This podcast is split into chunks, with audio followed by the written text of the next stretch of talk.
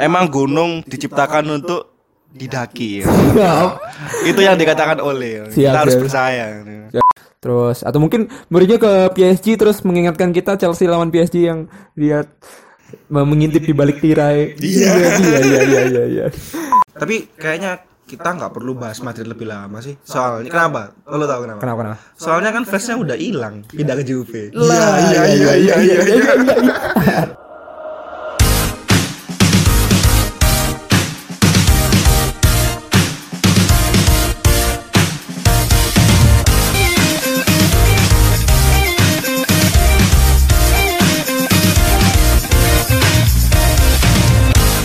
Iya. Oke, eh, halo semuanya.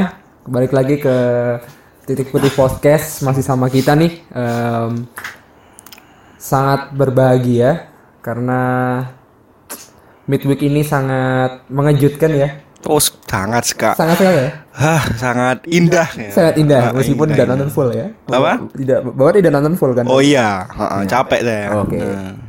Jadi teman-teman eh, mungkin ini ada salah mungkin ada sesuatu yang spesial untuk pembahasan ini karena nobody expect gitu loh. Maksud gue kayak orang-orang udah ya memang di podcast sebelumnya eh, Bisma udah bilang kalau em, ya sudah emang gak ada gak ada beban untuk sosok Manchester United untuk mengalahkan PSG yang cuman bisa jadi modal numpang masuk round 16 doang di UCL tapi ya gimana juga nah nanti kita akan bahas sih Ya, Emang gunung diciptakan untuk didaki. ya. Itu yang dikatakan oleh. Siap, Kita harus percaya. Ya, Oke, oke. Oke, oke. Bener ya? Iya, oke. Nah. Baik, baik, baik. Oke, em, kita langsung aja yang pertama kita bahas em, udah gulung tikar nih yang juara pertahan nih. Berarti udah dipastikan bahwa em, UCL musim ini akan menghadirkan juara baru gitu. Karena memang ada yang bilang ya apaan udah udah nggak bisa nguber em, domestik lagi. eh, La Liga udah punya Barcelona jadi Real Madrid udah fokus. Tapi ya sama aja ampas gitu dan Tiga kali berturut-turut, men. iya tiga kali berturut dan halo apa kabar Courtois yang apakah pilihan anda benar? Saya gue nggak tahu sih. Cuman Vinicius kemarin udah kayak nangis but ya itu mereka punya duit tapi cuman bisa ngandelin sosok pemain yang hanya berusia 18 tahun terus kemarin nangis karena kebobolan 4 gol dan gak bisa bales. Itu satu gol doang itu balas dan ya sudah Madrid memang sudah gulung tikar. Oke. Mungkin em, satu kata dua kata atau berpuluh-puluh kata mungkin Bisma mengenai Ajax ini Wonderful. ya. wonderful baik Sama kayak MU, wonderful. ya. oke kita tahan dulu ya Mas ya kalau Oh yang siap, MU, siap, oke. siap. Ya, saya udah kebelet ini Iya. ngomong MU terus dari tadi. Yang jelas em, hampir sama sih maksud gue. Eh, gue mungkin ngomong di episode pertama apa kapan ya? Kalau emang masalah Ajax ini emang beri kejutan gitu. Maksud gue kayak ya emang dia tuh yo tim ter selain dari Borussia Dortmund dan juga Spurs gitu. Maksud gue kayak dia tuh memang ingin memberikan kejutan dan kebetulan kemarin lawan lawan Real Madrid eh, yang di mana orang-orang udah kayak ya ini kayak kejutannya kayak bisa ditahan deh atau mungkin ah kayaknya sih Real Madrid mungkin memupuskan asa mereka deh dari dari em, dari negeri kincir angin gitu. Maksud gue ternyata memang yachtnya ini berkualitas nggak cuman menang di atas Real Madrid doang memang menang segalanya gitu. Bukan berarti dilihat dari down formnya Real Madrid terus eh, Ajax layak menang. Enggak gitu karena apa? Karena emang di leg pertama udah emang layak menang gitu ya. Heeh, di leg pertama kan udah kelihatan yang paling sering nyerang siapa yaitu Ajax terus yang eh, mendapat peluang paling banyak siapa yaitu Ajax. Cuman ya tahu sendirilah Real Madrid kan bisa bayar buat wasitnya ya. wah ya, ya. Itu wasit Lona eh wasit Lona bukan Lebih Barcelona lah nih. Oh Barcelona. Em, Oke, memang apa ya? Memang ya udah lagi udah habis aja gitu kalau misalkan bahwa Real Madrid ini memang lagi banyak yang benar bilang kalau terancam gagal juara, eh, terancam eh, musim ini tanpa trofi. Ya emang tanpa trofi mau ngapain lagi coba? Eh, survive survive aja susah survive aja susah gitu maksud gue. Em, apalagi misalkan Copa del Rey udah enggak gitu, UCL udah enggak gitu. Atau mung- mungkin, eh, tapi nggak mungkin juga sih. Kayak emang masih bisa UCL sih musim depan. Cuman kan kayak nggak tahu ya what if kalau misalkan dia benar-benar UEL kan jadi lucu gitu sosok Real Madrid yang udah punya bet 11 di lengannya gitu kan isi 11 nggak sih Ah. Iya 11 iya dan gue sih mau ngasih komentar sedikit meskipun ini kayak udah ngapain sih kayak dibahas lagi? Apa sih salahnya Real Madrid? Tapi gue pengen ngingetin aja kalau emang Real Madrid itu gue pernah bilang sih sama Bisma kalau eh, Real Madrid itu Zinedine Zidane itu kan di Real Madrid itu kayak nggak ngapa-ngapain gitu ya. Ternyata buktinya mereka itu kalau mau menang Champions League butuh Ronaldo dan Zidane gitu. Satu paket lah ya. Iya satu paket. Dan ternyata emang emang benar gitu. Di mereka udah hilang itu ultimatumnya tuh udah hilang gitu. Bahwa mereka udah nggak bisa ngapa-ngapain lagi. Apalagi mereka udah kalah di em, los eh, di mana? Di El Clasico dan sekarang udah bener-bener UCL udah menghadirkan juara baru gitu. Dan emang udah nggak ada apa-apanya udah paling ampas gitu. Menurut gue sih hasilnya lebih ke eh, sikap Madrid yang udah sok-sokan, terlalu sombong. Dia habis menang tiga kali Liga Champion. Nah, habis itu si Florentino Perez-nya itu eh, sombong juga, akhirnya Ronaldo dibuat pergi, otomatis Ronaldo pergi, Zidane juga pergi. Nah, mereka kayak percaya sama skuad lamanya kalau skuad lamanya ini udah berkualitas dan pasti kalau ditinggal Ronaldo dan Zidane nggak masalah. Akhirnya mereka nggak siap-siap untuk beli pemain pengganti Ronaldo dan pelatih pengganti Zidane. dan penggantinya adalah 18 tahun gitu. Eh, eh, pelatihnya ada 18 tahun dan mereka akhirnya lebih memilih investasi ke pemain muda yang harusnya belum dikasih beban itu. Iya, oke. Contoh dulu kan eh, sebelum dulu, dulu kan sebelum ada Raul akhirnya ada Kakak kan Iya, langsung ganti. iya, nah. Kakak kelihatannya udah mau habis tuh langsung ganti Ronaldo tuh. Hmm. Jadi pemain yang udah enak dan akhirnya mau habis itu di- udah langsung diganti dengan pemain yang lebih enak. oke oke oke Nah, sekema- sementara kemarin kan Ronaldo keluar dulu tuh. Hmm. Sementara langsung belum ada pem- pemain pengganti yang baru. Hmm. Kemarin pas itu kalau nggak salah tuh Mariano Diaz kan. Iya benar Harusnya itu langsung langsung beli urgent tuh. iya iya Ternyata nggak match, akhirnya beli Vini- Vinicius. apa kabar Odegaard. Apa? Martin Martin Odegaard apa kabar ya masih makan duit nggak ya? Ma- nggak ngerti tuh, gue nggak pernah lihat dia main. gaji buta iya kan emang dia di loan dia Oh, dia di loan. gue gak tahu sih sampai sekarang gue nggak tahu Ya itu sih menurut gue. Terus habis itu dia tiba-tiba nyomot pelatihnya Spanyol kan, Lopetegui kan. Solari Seperti Lopetegui Oh, dulu, ya, Lopetegui dulu. eh, yang akhirnya Lopetegui kan di, di itu loh, dipecat tuh dari Spanyol ya kan. Iya. Nah itu kan kelihatan kalau emang eh, menurut gue sikap sombongnya Madrid yang udah gue nggak ngurus lu, lu lu keluar Ronaldo sih dan keluar gue tetap yakin kok pasti bagus ya kan tapi akhirnya Mahkotanya dia malah diambil gitu. Eh, dia malah berharap sama pelatih pengganti caretaker yang eh, di Spanyol itu kan dua tiga kan itu kan ya? Spanyol B lah, Mas. Oh, Spanyol B yang dia nggak nggak ada nggak berkualitas gitu. Iya. Akhirnya di situ malah nyalain nyalain si pelatihnya. Gue kan kasihan sama menurutnya.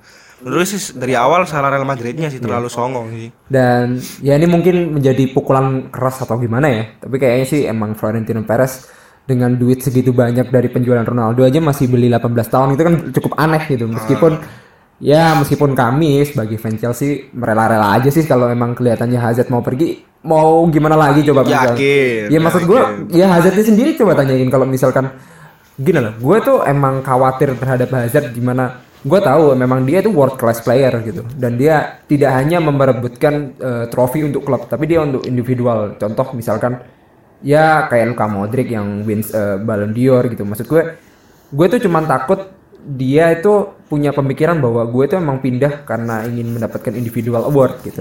Dan itu memang sangat lumrah lumrah sekali sebagai seorang superstar look like eh, Neymar misalkan atau Mbappe gitu yang berada di PSG itu emang sah-sah aja menurut gua. Cuman kalau melihat kondisi sekarang gua sih Hazard kayaknya eh, mengurungkan niat meskipun eh, kemungkinan besar pun juga pindah gitu.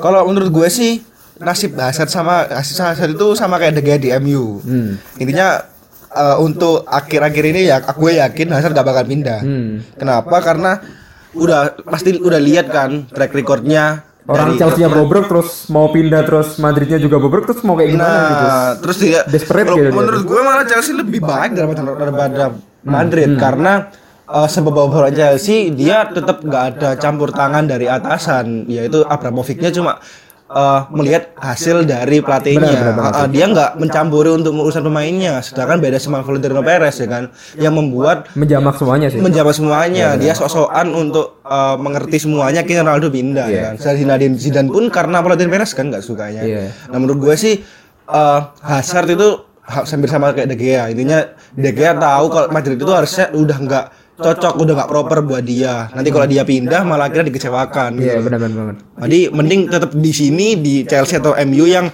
udah jelas-jelas mengidolakan dan fans-fansnya itu percaya sama mereka. Iya, Jadi, Kalau gue sih menurut gue seperti itu. Oke, gue sih setuju sih. Dan ya udah sih tadi pesannya cuman dikit aja yang jelas em, udah habis gitu Real Madrid udah habis. Gak tahu juga musim depan itu em, gimana lagi. Yang jelas kalau memang kayak modelnya kayak gini sih emang habis terus-terusan sih. Tapi kayaknya kita nggak perlu bahas Madrid lebih lama sih. Soalnya kenapa? Lo tau kenapa? Kenapa kenapa? Soalnya kan fansnya udah hilang pindah ke Juve. Iya iya iya iya iya. Kayaknya kita kalau bahas ini bahas Madrid kelamaan kayaknya bakal nggak bakal yang denger gitu. Iya. kan. Pindah aja. Real Real Juventus ya. Iya. Jadi Lu- Real lu kayak Juventus. temen lu ya. Ru. Iya, iya, baik baik baik baik. Iya iya, coba ini sejati gue. Tapi kan ngikutin Ronaldo nih. Iya iya iya. Oke, eh, lanjut aja ke kekuatan Youth. Eh, kita udah udah sih, maksud gua em, Ajax adalah suatu manifestasi eh, dari kekuatan Youth itu seperti apa. Meskipun em, memang Madrid kemarin layak layak kalah, cuman sebenarnya dia kayak juga nggak kalah-kalah amat gitu. Sebenarnya eh, kalau gua lihat kemarin statistiknya dia nyerang nyerang gitu maksud Posisinya men, posisinya total shootnya menang Madrid kok. Iya, maksud, maksud gue emang finishingnya aja tinggal finishingnya aja cuman em, ya apa pun itu emang Ajax great again lah gitu. Maksud gue inilah yang mau gue tunggu bahwa sebenarnya gue udah bilang ke Bisma di luar eh, podcast kalau emang Ajax itu bakal ngasih yang terbaik karena gue tuh apa ya gue tuh scouting youth banget gitu loh gue tuh suka kayak pemain muda itu main eh, secara intens gitu nggak cuma menjadi super sub gitu. Meskipun dia super sub tapi ngegolin itu kayak kurang aja untuk eh, porsi bermain. Oke lanjut. Em, kita bahas ke dampak VAR ya. Dampak VAR sejauh ini. Em, kita eh, lihat dulu di Porto Roma nih. Jangan ke eh, yang kita tunggu-tunggu nanti. Dikdaya dari Manchester United ah, dengan ya nanti lah itu ya. Oleh Edwin. Oke oke oke. Porto Roma kemarin eh, sampai extra time dan menit 116 kalau gua ngasih ngeliat kalau nggak salah 116 atau iya itu Terus 16. Iya 116 bahwa eh, dinyatakan eh, berbuah penalti gitu. Dan gue tuh lihat kan itu sampai setengah enam sih. Yang menurut gue sih emang em, ya gimana ya em, bentuk dari VAR itu sendiri sih kan minor sih menurut gue kayak oke kita sepakat bahwa VAR itu eh, bukan bukan kemarin kita bukan ngomongin VAR sih kemarin ngomongin agregat ya tapi kita belum ngomongin VAR cuman udah kemarin disinggung dikit bahwa VAR itu memang rugi bagi orang yang bagi tim yang dirugikan gitu doang sih. Cuman yang jelas VAR ini technological yang terbaru gitu bahwa memang sangat membantu. Cuman dalam hal ini menurut gue sekaliber Champions League itu kayak VAR ini menjadi tolak ukur eh, penentuan yang pertama bahwa selain selain wasit gitu. Maksud gue kayak ya kayak nggak penting-penting amat itu ngapain juga pakai VAR gitu loh. Maksud gue kan nggak selalu semuanya pakai VAR gitu dan kurang tegas aja untuk wasit menggunakan kayak kayaknya kayak misalkan orang-orang semuanya pada angkat tangan di dalam kotak penalti terus protes terus wasitnya ngalah terus akhirnya lihat VAR terus ngasih penalti itu kayak kayak gini banget sih gitu maksudnya kayak VAR itu di pertandingan ada batasnya nggak sih? Maksudnya, Kayak kayak batas pemakaiannya Heeh. nggak ada Iya. Jadi kalau misalnya emang wasitnya ngerasa gue ragu, langsung aja gue lihat VAR. Iya, maksud gue kayak sekarang malah ngandelin VAR gitu, VAR gitu. Maksud gue kan kayak ya it, it just minor gitu. Bikin takut wasit kayak gini. Iya, dan apa yang Aku ragu nih, gue ragu nih. VAR aja deh. iya, maksud gue kan kayak gitu. Dan apa yang diomongin Buffon dulu sih, kalau VAR itu emang kayak sepak bola sekarang kayak polo air gitu, dikit-dikit stop, dikit-dikit stop, dan emang dikit-dikit stop gitu. Dan Iya kemarin memang ada ada kontak kontak antara siapa sih yang kemarin kayak narik baju atau gimana? Hmm, di menit menit akhir ya. Iya di menit akhir. Cuman udah di dan disinggung bahwa nggak nggak nggak nggak berarti banget gitu. Tapi tetap penalti itu dia terakhir. Ya tetap penalti sih. Kalau kalau menurut gue sih aslinya VAR itu lebih ke eh, mengadilkan sesuatu yang harusnya adil gitu loh. Iya, maksud gua Nah, tapi kan intinya kan kalau misalnya emang di VAR eh, dia kan cuma re- intinya kan mereplay adegan yang harusnya susah dilihat kan ibaratnya. kan. Iya. Nah, tetap intinya keputusannya kan ada di wasit kan. iya. Nah, kalau misalnya emang menurut gue kalau misalnya emang ntar salah atau enggaknya, adil atau enggaknya tetap ada di wasit. Cuma dia minta bantuan dari uh, VAR untuk melihat reka adegan ulangnya ya kan. Yang dipermasalahkan kan intinya eh ya kalau misalnya VAR dipakai terus menerus gitu kan. Hmm, Akhirnya kan waktunya bikin lama dan mau nggak mau berhenti terus berhenti terus berhenti terus gitu kan. Iya. Nah menurut gue sih aslinya kalau dari gue sendiri nggak masalah sih ada VAR. Cuma gue karena gue yakin wasit itu juga pasti eh, tahu batas untuk menggunakan VAR dan enggaknya. Ya, harusnya seperti itu sih. Ah, ah, ah. Cuma yang gue sesalkan kan kayak kemarin itu menurut gue ya Porto itu di akhir itu harusnya dia nggak dapet penalti sih. Soalnya kayak dia cuma narik baju tiba-tiba jatuh sendiri gitu. Menurut gue malah diving gitu sih lebih itu sih. Kalau menurut gue sih kalau Oh, iya. dilihat dia dari sisi kameranya harus benar gue yang lihat gitu. Bukan, bukan. eh, Oke, oke, oke. gue setuju tentang poin itu sih. Cuman di sini udah di explain di UEFA.com, UEFA Champions League News News ID bagaimana VAR itu decision explained. Hmm. Dan dia ngomong kalau eh, wasit kemudian diinformasikan oleh VAR bahwa setelah pemeriksaan tidak ada kesalahan yang jelas dan jelas telah terjadi dan bahwa tidak ada dasar untuk intervensi VAR dan tinjauan lapangan. Dan dari kalimat ini bahwa gua kemarin sih nggak lihat langsung apakah dia langsung nunjuk titik putih Oh atau enggak enggak dia lihat kok. clearly clearly it's not uh, fall gitu kan. Ah. Nah, maksud gue kalau dilihat dari kalimat ini adalah sebenarnya dia udah menunjuk titik putih gitu. Ah. Dan mungkin ada ada peninjauan lebih lanjut untuk melihat VAR. Nah, Hmm. em, yang di mana menurut gue ada beberapa pundit mengatakan bahwa VAR itu video actually rubbish gitu, memang benar-benar sampah gitu. Karena kayak maksud gue penggunaan VAR ini terlalu sering gitu loh. Maksud gue kan kayak ya apa apa sekali ber sekali berwasit anda sebagai wasit eh, kaliber apakah hanya mampu untuk dikendalikan oleh eh, VAR tadi sih. Eh, ini kan kayak gue bilang ke uh, podcast yang kemarin Hmm. kalau karena ada VAR seninya dari sepak bola hilang. Iya, iya. Harusnya uh, ada rasa marah atau rasa senang karena uh, mendapat ketidakadilan karena harusnya fall dan nggak fall Hmm. atau sebaliknya. Tapi karena ada VAR akhirnya kan lebih adil gitu kan. Iya. Nah, kita kan harusnya mi- tetap milih salah satu dari kedua hal itu. Kalau misalnya lu pengen adil ya harus pakai VAR. Tapi kalau misalnya uh, Pure pure mau Alamiah. alamiah tapi dengan resiko lu bisa nggak nggak adil karena wasit itu ya lu nggak milih VAR. Iya, oke. Kalau gue sih it's a good deal sih emang. bukan karena MU yang kemarin dapat VAR ya. Iya. Ya, tapi ada, ada. menurut gue sih harusnya emang tetap ada VAR sih intinya untuk menjaga lebih ke fair play. Ya oke oke. Ya. Oke. Oke itu aja dan selamat untuk FC Porto. Oh, BTW eh, selain ngomong MU itu Porto AS sama MU itu udah 2000 udah lama loh nggak lolos. Oh iya, the way emang. Ah, ah, jadi menurut gue itu oh sama bukan bukan oh sama Tottenham. Ya sama Spurs. Porto enggak, Ajax, Porto, Ajax, Tottenham sama MU itu udah 2011-an atau 2014-an. Kalau Ajax 2011, kalau MU 2013 kalau salah, zamannya David Moyes. Hmm. Yang Tottenham gue lupa. Itu udah zaman-zaman udah lama loh nggak lolos mereka. Nggak lolos ke quarter final. Oh, oh. Oke oke. Eh, un- selamat untuk Porto, Ajax, M Porto, Ajax dan MU, MU, udah Tottenham. menung Spurs yang udah nunggu di quarter finals.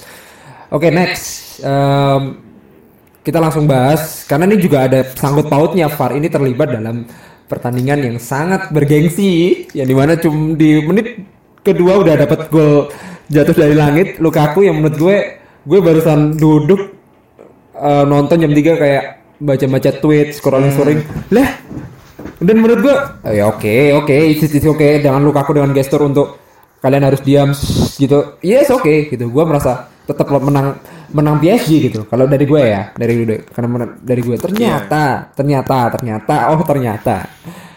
Em em, gue langsung aja ya nih. Maksud gue preview singkat dari gue dulu ya. Yang jelas gue kemarin nonton full.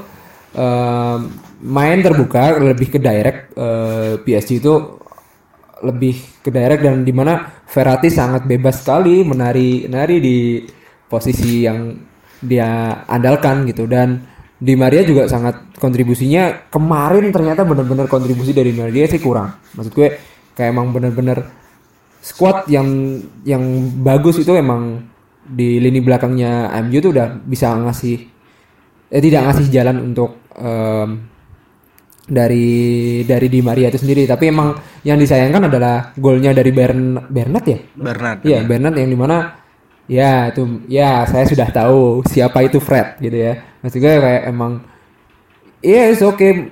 Kalau dia emang nggak nggak tahu dia harus posisinya di mana sih. Yang jelas kemarin yang gue bingung kan gue tanya sih maksud gue kenapa Iwobi gitu loh. Kenapa eh kok Iwobi? Kenapa Bailey yang di di situ eh, di RB gitu kenapa nggak Dalo yang lagi on fire pada saat itu gitu kenapa nggak dimainkan itu yang mungkin pertama minusnya di situ. Cuman gol Lukaku kemarin eh, oke. Yang kedua juga oke gitu. Maksud gue orang ya nanti kita dengerin dari sosok Bisma sendiri apakah sebenarnya dia ada rasa kaget atau emang harus layak menang atau gimana. Tapi kalau dari preview gue kemarin jangan sampai beralasan bahwa gue mainin dia terus gue kalah enggak yang jelas ada sosok yang sangat Yot itu adalah Wape yang masih umur 18 tahun eh 19 tahun dan Kim BP juga umurnya masih ya 19 tahun juga jadi kemarin juga Kim Yot BP 19 tahun. Dua tiga boy. eh, dua tiga ya Dua tiga. oh sorry sorry sorry kayak dua tiga Kim Mbappe. Iya. Dan itu itu favorit gue sih. Cuman kemarin kemarin gue suka sih kayak ya nggak tahu ya. Tapi gestur Lukaku itu sangat sangat bagus gitu. Kayak meluk melukin BP kan? Iya Kim Mbappe. Iya, Dia bisik-bisik juga. iya bisik-bisik kalau bisik-bisik mungkin ini bukan salah loro. Ini ini emang kita di Enggak lu yakin gue bilang mampus lu gitu. mampus lu anjing. mampus lu anjing. Songong lu, ya. Mampus lu anjing nggak pernah lolos. tuh. ya maksud gue kayak kemarin udah it's it's good Uh, overall good gitu cuman ya itulah Mbappe kemarin harusnya ya gue kemarin gue lihat sih kalau ada video yang di mana Mbappe itu lu kehilangan bola yang eh, back heel nggak berhasil lah terus yang jatuh one on one lawan De Gea kepreset itulah. Terus yang kebablasan eh, eh, one one one one v one sama siapa ini? Smalling lah. Itu juga sebenarnya emang Mbappe kemarin juga nggak mampu untuk nyetak gol yang kedua gitu dan mengandalkan kemenangan yang berarti gitu. Dan em, itu aja sih kalau gua dan yang mau gua omongin ntar dulu sih nunggu Bisma ingin menjelaskan karena mereka eh, mereka ini para fans MU ini ingin ingin ingin melihatkan arak-arakan kemenangan di timeline gitu. Silakan, silakan Mas. Ya, sekali lagi saya ulangi. Gunung ada untuk didaki seperti itu. Siap. Nah, itu yang dikatain sama Ole setelah post conference yang pertama, pertandingan pertama. Setelah MU kalah 2-0 kan. Iya, iya. Lalu press conference lagi sebelum pertandingan PSG lawan MU di kandangnya PSG. There is no mission impossible. ya. Oke. Nah itu, gue sih bukannya eh, percaya atau mania banget kalau MU bakal menang. Cuma gue tahu kalau oh bukan bukan lolos, ini bukan menang tapi lolos. Intinya gue tahu kalau MU pasti bisa menang, bukan tapi bukan bisa lolos. Karena gue ya tahu realistis gitu kan, pemain cedera, Dengan skuad yang ada itu. squad yang ada, Pogba kartu merah, Cuman nggak nggak jelek-jelek amat sih kalau gua lihat kayak yang tengahnya doang yang Yolf gitu loh. Heeh, tengahnya. Tapi kan benchnya dia nggak ada untuk pengganti atau perubah permainan gitu Baik, kan. baik, iya, ngerti. Kayak emang harus main full mereka itu ya. Heeh, gitu sih. Ini yang gue lihatnya seperti itu gitu.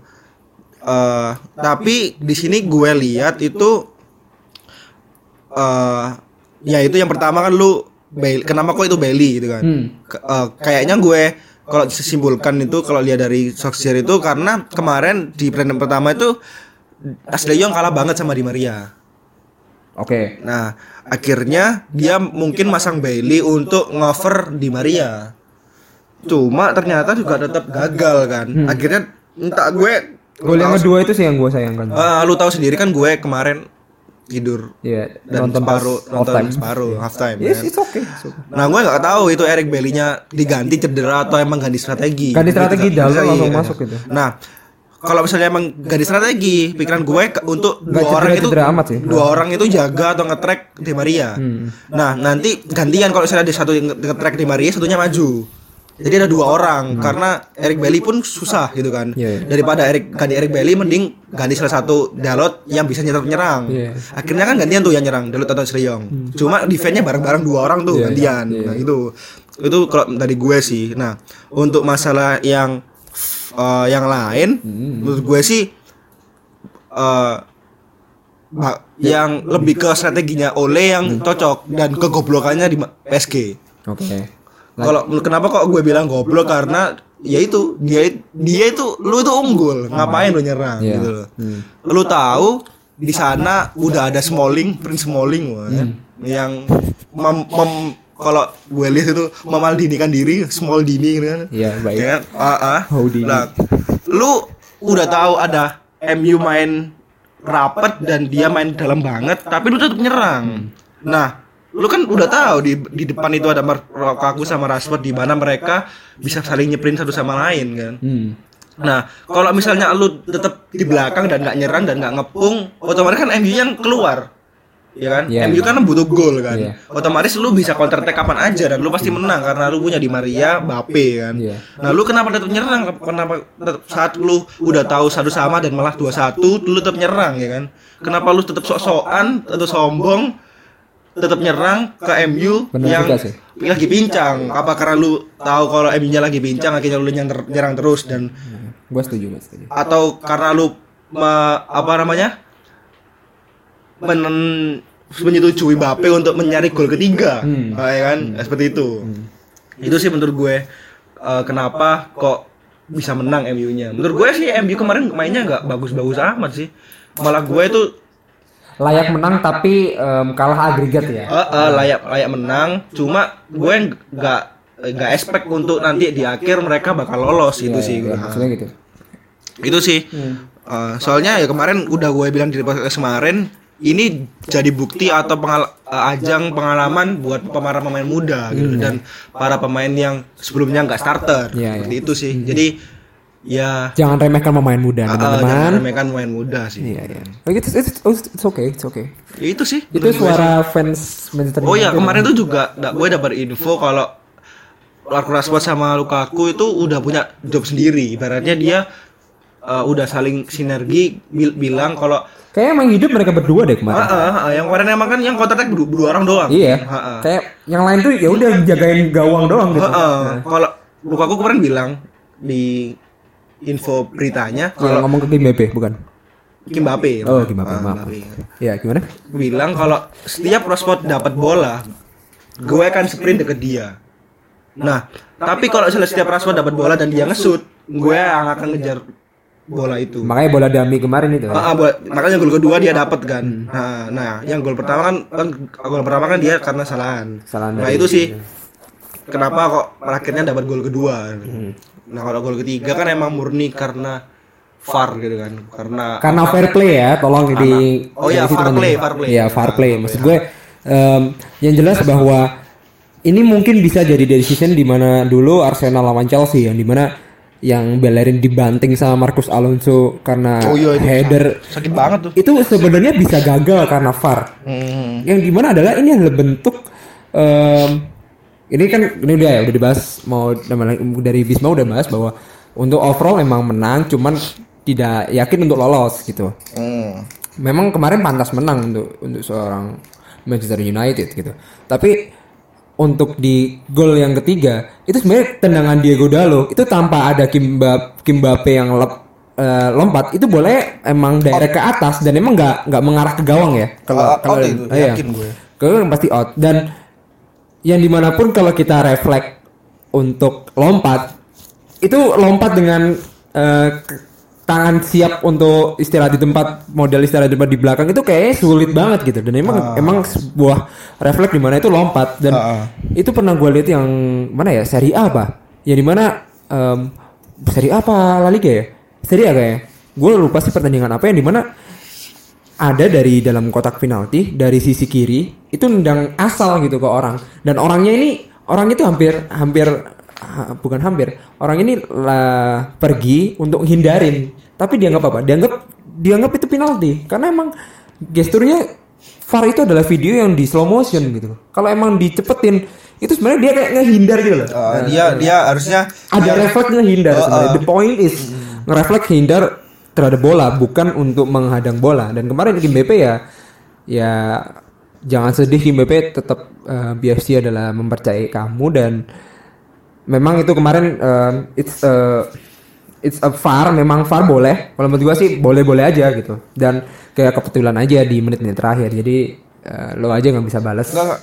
Menurut gue ah, salah satu lagi yang bikin MU menang. Karena di sana eh, Di Maria nggak ada mau botol. Oh ya, tidak minum botol ya dan Tidak main botol ya. dan it's happened again gitu yang di mana on this day um, Barca menang 5-1 ya gara-gara Di Maria di match pas di Park the Prince itu juga uh, Maya gitu ya. Kasihan, men. Iya, kasihan men. Kemarin ada Bape yang rit gitu, langsung dia tidur gitu kan. Iya. Langsung itu ada soundtrack kayak sedih banget gitu. gue jadi sedih banget. Langsung respon ada gambar respon dia Iya. kepalanya gitu ya Allah. Eh, apalagi yang Neymar di zoom in zoom out anjir. ya dia tegang. muka lo ketika lo ya. Iya, iya udah tuh. Ya ampun tuh itu sedih banget dan emang muka yang di Maria kemarin juga kayak dia ada ketawa miris anjir kenapa gue kalah lagi ya kayak gitu sih gue lihat Iya. ya di scene kayak ada satu shot itu di mana emang di ini dan oleh kemarin nggak manajer nggak pemain tetap pakai rompi kan Itu Ella belum turun. Iya, Udah maksud gue emang ya. ya mungkin yang belum tahu um, Oleh kemarin pakai rompi karena emang warnanya itu sama kayak um. Tuchel. Jadi disuruh sama wasit yang ketiga itu untuk pakai rompi dan iya maksud gue mungkin ada daya magisnya pakai rompi ya bahwa Iya, dia benar-benar um, pure um, era 98 gue ini akan berarti atas rompi yang gue pakai sekarang. Wah, anjir. Ya, itu- Iya, iya, iya. ya, oke. selamat untuk Manchester United yang di mana seharian penuh dengan retweetan retweetan dari para fans fans Manchester United ya yang nggak tahu sampai kapan itu cuman kita nggak masalah. Di Instagram gue lihat beritanya terus men. Gue like, gue love terus men itu men. Iya maksud, iya maksud Anjir, kapan berhenti nih orang bangsat. sih.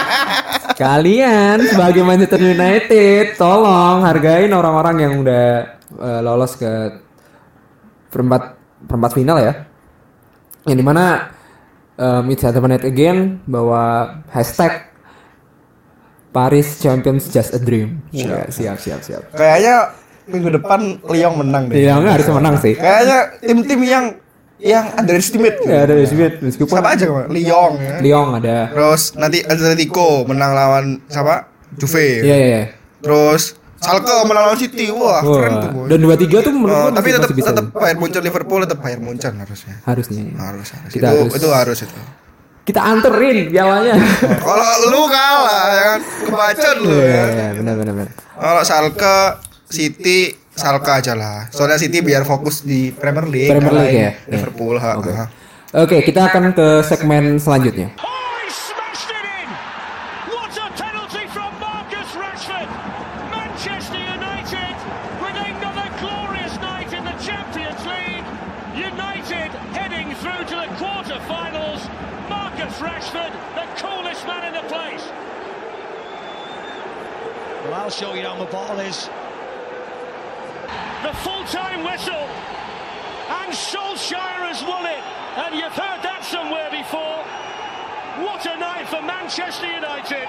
Oke, em, kita bakal bahas Liga Malam Jumat teman-teman, tolong dihargain ya.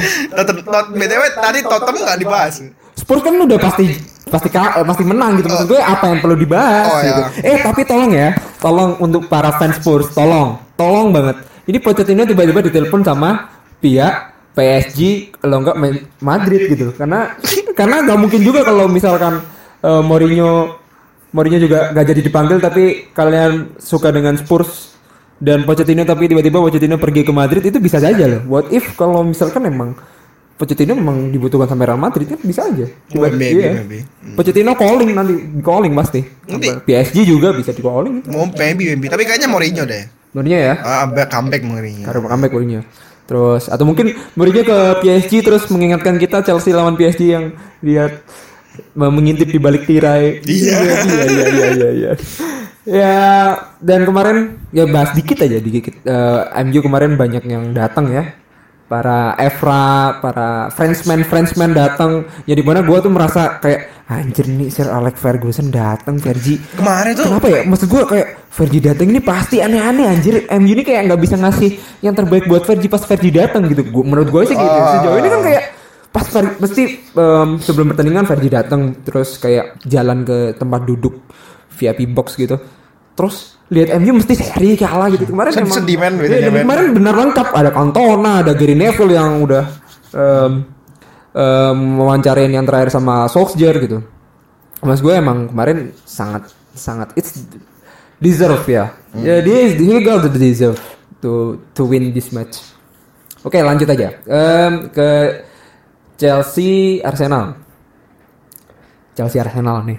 Maksud gue kayak Chelsea kemarin 3-0 em, melawan Dinamo Kiev. Kiev ya Dinamo Kiev yang di mana harusnya Pedro gue nonton matchnya penuh juga eh, di mana Pedro itu harusnya bisa cetak hat trick dan kemarin em, lagi-lagi kalau Hudson Odoi ini nggak main meskipun emang dia super sub maksud gue kayak orang-orang kenapa sih kayak fans-fans Chelsea harus mainin Hoyotnya tolong ya itu kalau Hudson Odoi itu bakal dipanggil da- bakal dipanggil Bayern kalau dia nggak dapet eh, kontribusi penuh. Maksud gue kayak it's time to bright gitu loh. Kalau emang lo butuh waktu ya sekarang tapi emang seharinya aja masih masih belum. Dan emang dia postmatch bilang kalau it's too be dangerous for for him gitu. Bahwa 18 tahun itu it's too young to uh, main di Premier League secara intens gitu. Ya oke it's a deal. Cuman sekali dua kali aja gitu. Maksud gue kayak tolong pertahankan gitu. Kalau gue sih marah besar sih kalau emang Kalau menurut gue harusnya di Premier League it's okay lah. Eh, kalau lu turunin William, Pedro atau Eden Hazard gitu kan. Tapi kalau di yang lain terutama Europa League, seenggaknya kasih lah untuk kesempatan Iya. buat Hudson, Odoi kan. Karena dia udah ngegolin yang pertama dia debut di Europa League itu dia kan ngegolin. Kan? Heeh. Menurut gue sih harusnya dari tujuh pertandingan dia enam kali appearance dari berapa gol sama assist gitu Iya, menurut gue sih harusnya lu kasih kesempatan di turnamen lain gitu.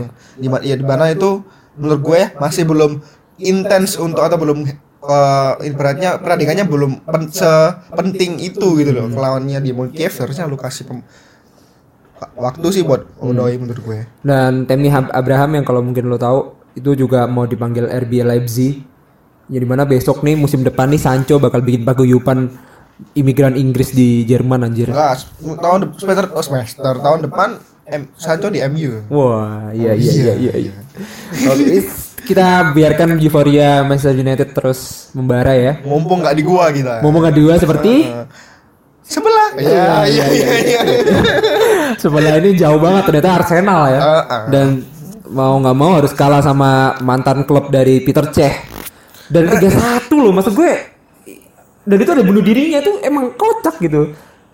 Apa ya yang membuat dia Rennes peringkat 10, men. Ya makanya League ah, League Ang ah, Liga Ang aja peringkat 10. 10. Aduh bego banget. Berarti Arsenal harusnya peringkat 10. Oh, peringkat terakhir lah di Premier League. Iya tapi ini sama-sama 3-1 tapi sama-sama beda beda cerita nih. Oh iya, Dan gini habis ini kan Arsenal lawan Manchester United yang di mana menurut eh, Arsenal sendiri it's a last in 10 match mungkin kalau dilihat dari hitung-hitungan eh, secara match yang tersisa adalah eh, Manchester United adalah a big team atau big six yang bakal menyulitkan untuk menang. Tapi kalau dia dari sekarang mah emang waktunya Manchester United yang memang harus bangkit gitu. Maksud gue kayak ya udah Arsenal, Arsenal itu Arsenal dan terbukti bahwa Unai Emery pun tidak menjamin bahwa dia memiliki trofi selama di Sevilla kan ya.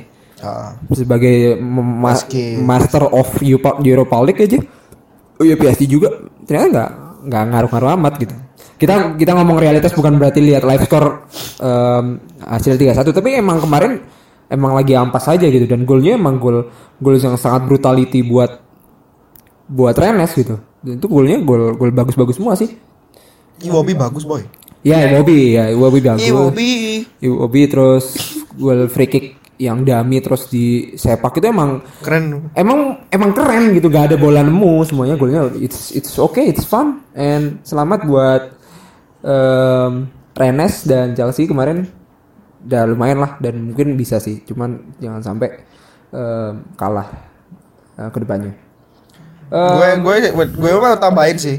Lu kan bilang tadi kalau M M MU the last oh, the last the last top six atau the last big match lah uh, uh, Ah, gimana? and of course that is the the last hope that Arsenal will be for. Oke, oke. Tetap- Jadi udah jelas nanti itu di pertandingan itu dia ngelawan MU sebagai uh, tim fixes yang terakhir dan dia akan juga kehilangan harapan untuk empat besar.